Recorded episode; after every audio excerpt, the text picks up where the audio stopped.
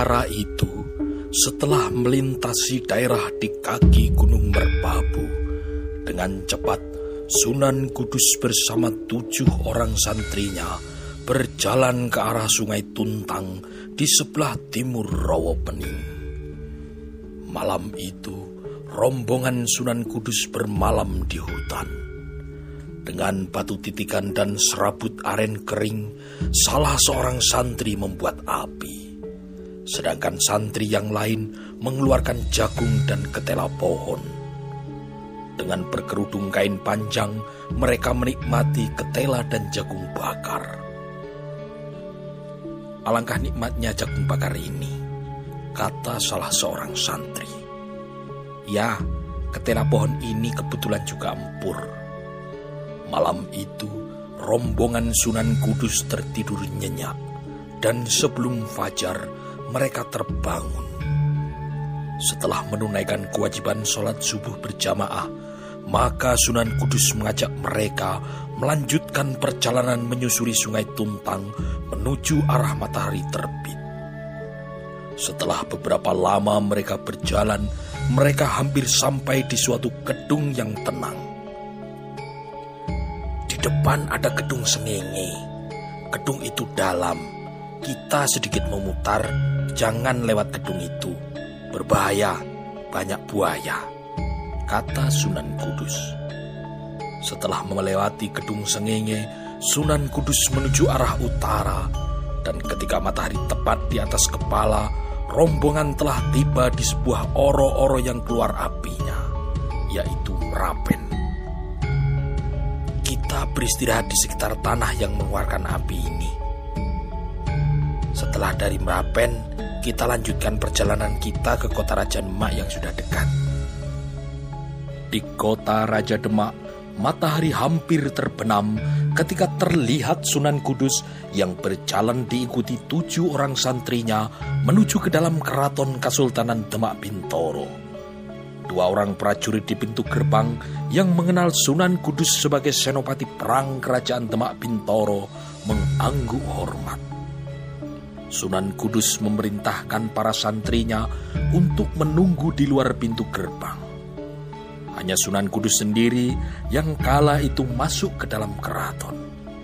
Di ruang dalam, dua orang prajurit Wirotamtomo, prajurit pengawal raja, mengangguk hormat ketika melihat Sunan Kudus.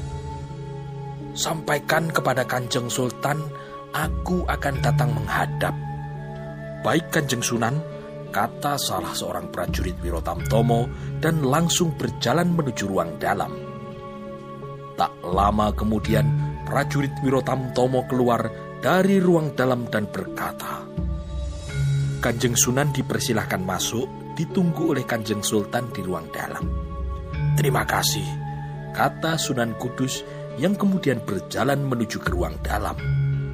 Di dalam ruangan sudah menunggu Kanjeng Sultan Patah dan ketika melihat Sunan Kudus masuk ruangan, Sultan Demak pun berdiri dan menyambut. Silahkan duduk Kanjeng Sunan.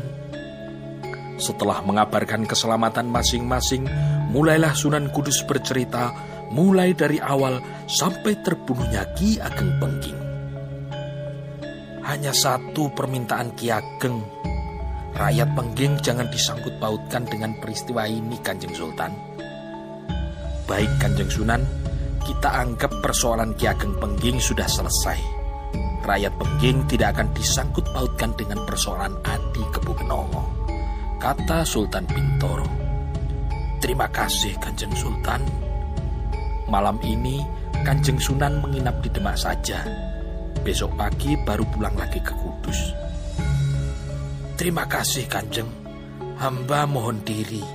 Besok setelah terbit fajar, hamba langsung pulang ke Kudus. Setelah berpamitan, maka Sunan Kudus berjalan keluar ruangan menemui prajurit Wirotamtomo dan berkata, Saya beserta tujuh orang santri diperintahkan oleh Kanjeng Sultan untuk bermalam di Demak. Baik Kanjeng Sunan, kamar segera kami siapkan, kata seorang prajurit Wirotamtomo. Malam itu, Sunan Kudus beristirahat dan tidur di Demak. Dan ketika keesokan harinya, langit di atas Demak sudah terlihat terang, berjalanlah Sunan Kudus diiringi tujuh orang santrinya meninggalkan kota Raja Demak menuju ke Kudus. Hari berganti hari. Tujuh hari setelah kematian Ki Ageng Pengging, kembali mendung tebal menyelimuti desa Pengging yang terletak di kaki Gunung Merapi. Pagi itu, udara sejuk di kaki Gunung Merapi digetarkan oleh bunyi kentongan satu dua, satu dua, terus menerus tanpa henti. Seorang petani yang sedang mencangkul di sawah menengadahkan kepalanya. Suara kentongan satu dua. Apakah ada orang yang meninggal dunia? Siapa itu? Di sebelah selatan, arah rumah Nyai Ageng Pengking. Katanya dalam hati diletakkan cangkulnya, lalu dibersihkannya. Kemudian dengan cepat ia berjalan menuju rumah Nyai Ageng Pengking. Ternyata saat itu sudah banyak orang yang berkumpul di rumah Nyai Ageng Pengking. Siapakah yang meninggal dunia? Orang itu pun bertanya kepada tetangganya. Nyai Ageng Pengging telah meninggal dunia. Kemparlah seluruh desa Pengging. Nyai Ageng Pengging meninggal dunia tujuh hari setelah meninggalnya Ki Ageng Pengging. Di desa Tinggir, Nyai Ageng Tingkir berlinang air mata ketika mendengar kabar meninggalnya Nyai Ageng Pengging. Kasihan Karebet, dia yatim piatu. Ayah ibunya telah meninggal dunia sekarang. Beberapa hari kemudian, di pagi hari yang cerah, di depan makam Ki Ageng Tingkir, duduk seorang perempuan tua Nyai Ageng Tingkir. Nyai Ageng Tingkir kepalanya menunduk. Hidupnya terasa sepi. Angan-angannya melayang kapan ia bisa menyusul suaminya. Terbayang adik iparnya Ki Ageng Pengging yang akan memberinya sesuatu dan angan-angan Nyai Ageng Tingkir semakin melambung tinggi. Ki Ageng Pengging akan ninggali sesuatu atau memberi sesuatu kepadaku apa yang akan diberikan Ki Ageng Pengging kepadaku? Tanya Nyai Ageng Tingkir kepada dirinya sendiri. Tiba-tiba Nyai Ageng Tingkir tersentak kaget. Karebet, pasti karebet. Mas karebet, pasti mas karebet lah yang akan diberikan Ki Ageng Pengging kepadaku. Gumam Nyai Ageng Tingkir. Tak lama kemudian, di pelupuk mata Nyai Ageng Tingkir menglingang air mata. Lalu ia pun berkata, Ger karebet, tunggu sebentar. Biung akan segera menjemputmu ke Pengging. Nyai Ageng Tingkir segera berdiri. Kaki tuanya melangkah pelan. Semampunya ia berjalan menuju Pengging. Menjelang sore hari, perlahan-lahan masuklah Nyai Ageng Tingkir ke halaman rumah Nyai Ageng Pengging. Ditemuinya pengasuh karebet. Di mana anakku karebet? Tanya Nyai Ageng Tingkir. Sejak pagi hari itu, Mas Karebet tidak kelihatan. Mungkin bermain di hutan, Nyai Ageng.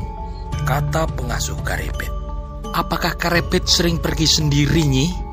Padahal usianya baru tiga warsa. Tanya Nyai Ageng Tingkir. Iya, Nyai Ageng. Mas Karebet sering bermain di hutan.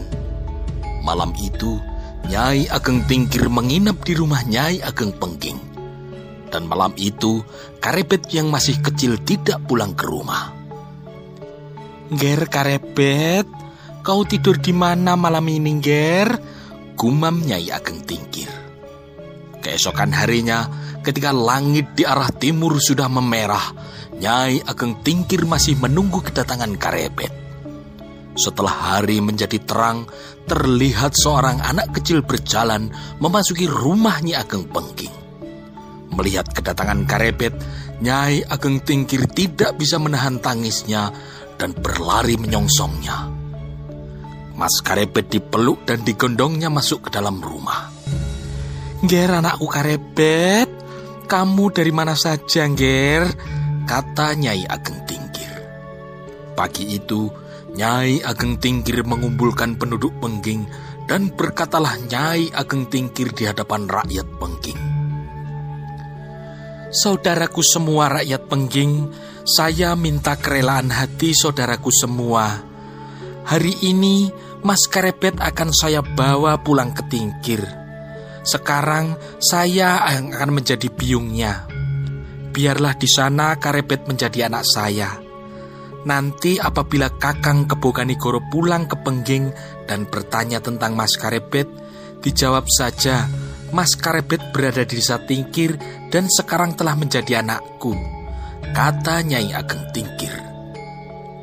Setelah berkata demikian, Nyai Ageng Tingkir terdiam sesaat menunggu jawaban rakyat Pengging dan ternyata tidak seorang pun rakyat Pengging yang berkeberatan.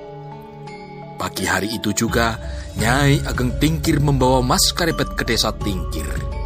Dan mulai saat itu, Nyai Ageng Tingkir telah mempunyai seorang anak angkat, yaitu Mas Karepet. Di desa Tingkir, Karebet mendapat limpahan kasih sayang yang tulus dari Nyai Ageng Tingkir. Matahari masih terlihat terbit di arah timur, tenggelam di arah barat. Begitulah alam terus bergerak secara teratur.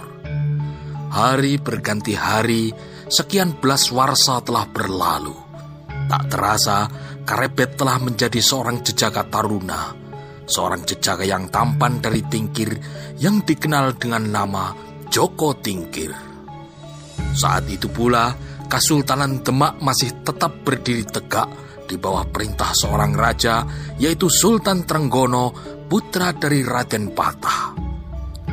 Pedut ampak-ampak terlihat jelas di puncak Gunung Merbabu ketika seorang pemuda tampan, yaitu Joko Tingkir, menuruni lembah kembali pulang menuju ke desa Tingkir. Sudah dua purnama, Mas Karebet yang sering dipanggil sebagai Joko Tingkir pergi meninggalkan ibunya untuk belajar ilmu Joyo Kawijayan Guno Kasantikan kepada beberapa orang pinunjul. Di kejauhan, dilihatnya gunung Merapi yang membara di puncaknya. Beberapa purnama yang telah lalu, Joko Tingkir telah sampai di sana. Lalu berjalan menjelajah ke beberapa tempat ke lereng Gunung Lawu, lalu berjalan lurus ke arah selatan menuju Segoro Kidul. Terbayang wajah Nyai Ageng Tingkir yang cemas sedang menanti kedatangannya.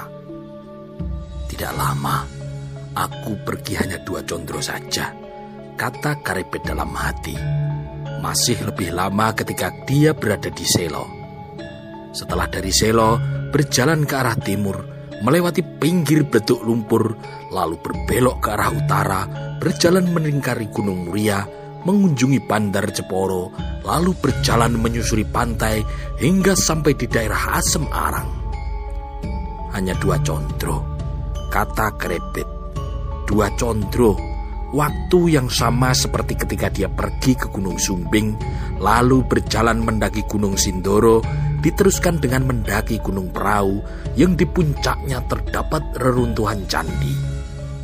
Kedua kakinya terus melangkah dengan irama yang teratur menuju ke desa Tingkir. Memasuki desa Tingkir, Karebet berjalan cepat menuju rumahnya. Dilihatnya, seorang perempuan tua sedang menyapu halaman. Nyai Ageng Tingkir yang sedang menyapu halaman terkejut dan segera melemparkan sapunya ketika dilihatnya Karebet berjalan ke arahnya. Dipeluknya badan Karebet yang tegap. Pelukannya masih seperti ketika dia memeluknya semasa masih anak-anak. Ger anakku Karebet, kau pergi terlalu lama.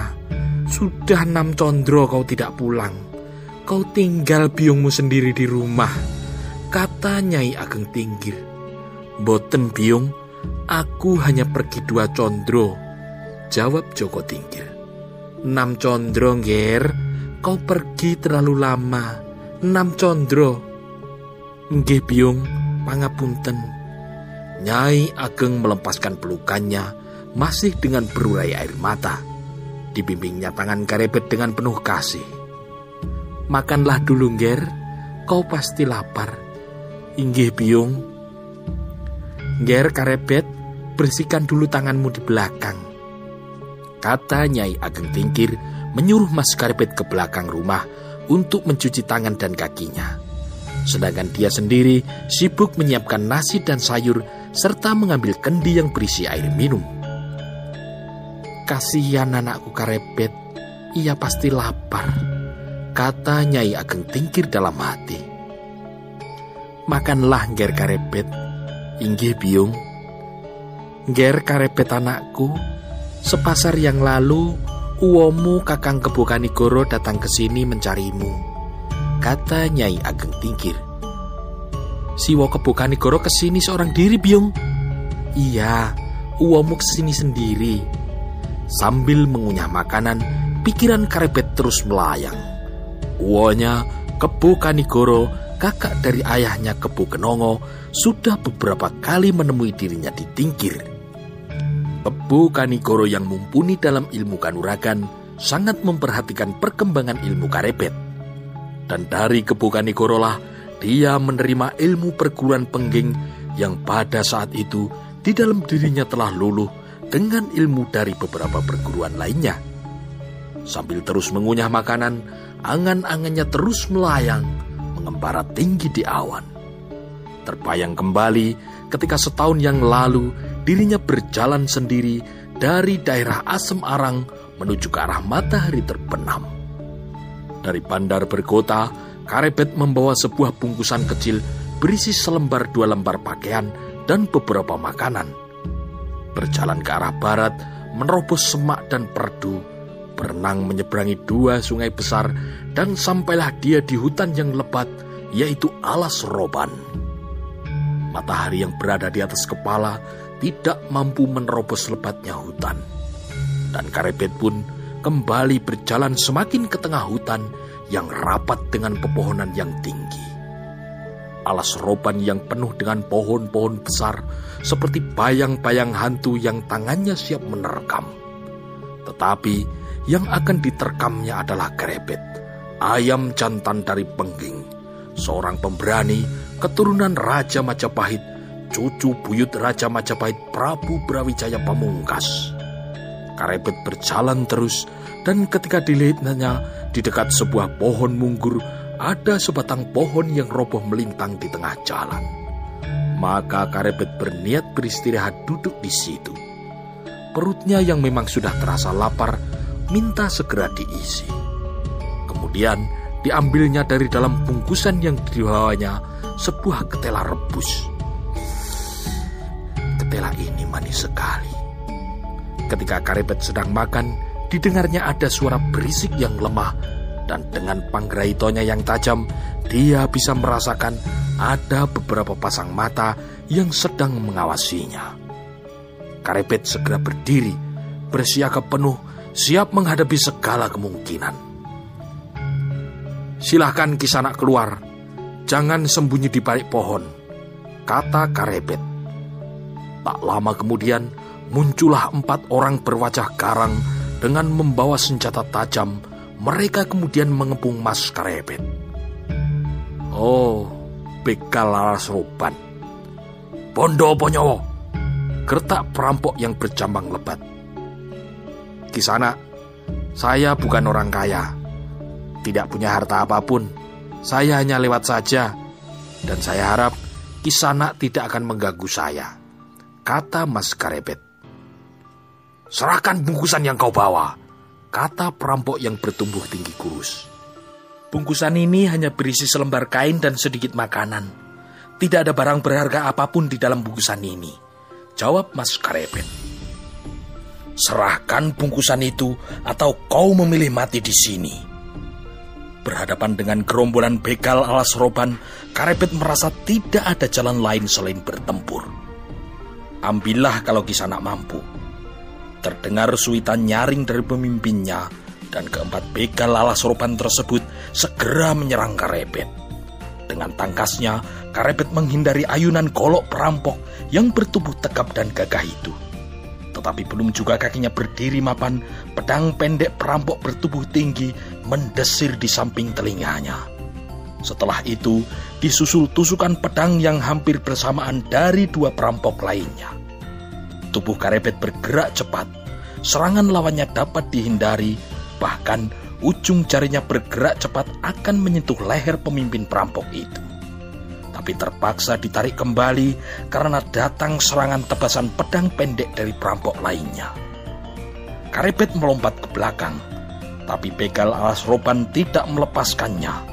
Keempat perampok itu bergantian menyerang Mas Karebet. Sebuah pedang terjulur ke arah lambung, memaksa Mas Karebet menghindar dengan menggeliat ke samping. Disusul datang serangan tendangan kaki dari pemimpin begal tidak ada jalan lain selain Mas Karebet menangkis dengan sikunya. Sesaat kemudian terjadi benturan keras. Siku Karebet menangkis tendangan kaki pemimpin perampok itu dan akibatnya membuat pemimpin perampok itu terkejut. Siku Karebet bergetar, tapi kaki pemimpin perampok itu terpental, terlempar ke belakang. Terlihat dia berguling sekali-kali, lalu dengan susah payah dia berusaha berdiri. Beberapa saat telah berlalu, perkelahian masih berlangsung cepat. Pemimpin gerombolan begal Al-Sroban menjadi heran. Sudah sekian lama mereka mengeroyok seorang pemuda itu, tapi belum bisa mengalahkannya. Jangankan mengalahkan lawannya yang masih muda, menyentuh tubuhnya pun mereka tidak mampu. Dengan sepenuh tenaga, pemimpin perampok mengayunkan goloknya. Tetapi alangkah terkejutnya ketika telapak tangannya menjadi sakit ketika goloknya seakan-akan membentur sebuah perisai yang tidak terlihat. Hanya berjarak sekilan dari tubuh pemuda perkasa itu. Setelah dilihatnya berulang kali, ternyata semua senjata perampok itu tak satu pun ada yang mampu menyentuh tubuh pemuda itu. Semuanya membentur tameng yang tidak terlihat, yang hanya berjarak sekilan dari tubuhnya. Anak ini memiliki sebuah ilmu kebal yang luar biasa. Ilmu apa ini? Tanya perampok itu dalam hatinya. Ternyata bukan hanya gerombolan begal alas roban saja yang terkejut melihat benturan senjata dengan perisai yang tidak kasat mata di tubuh Mas Karebet yang hanya berjarak sekilan.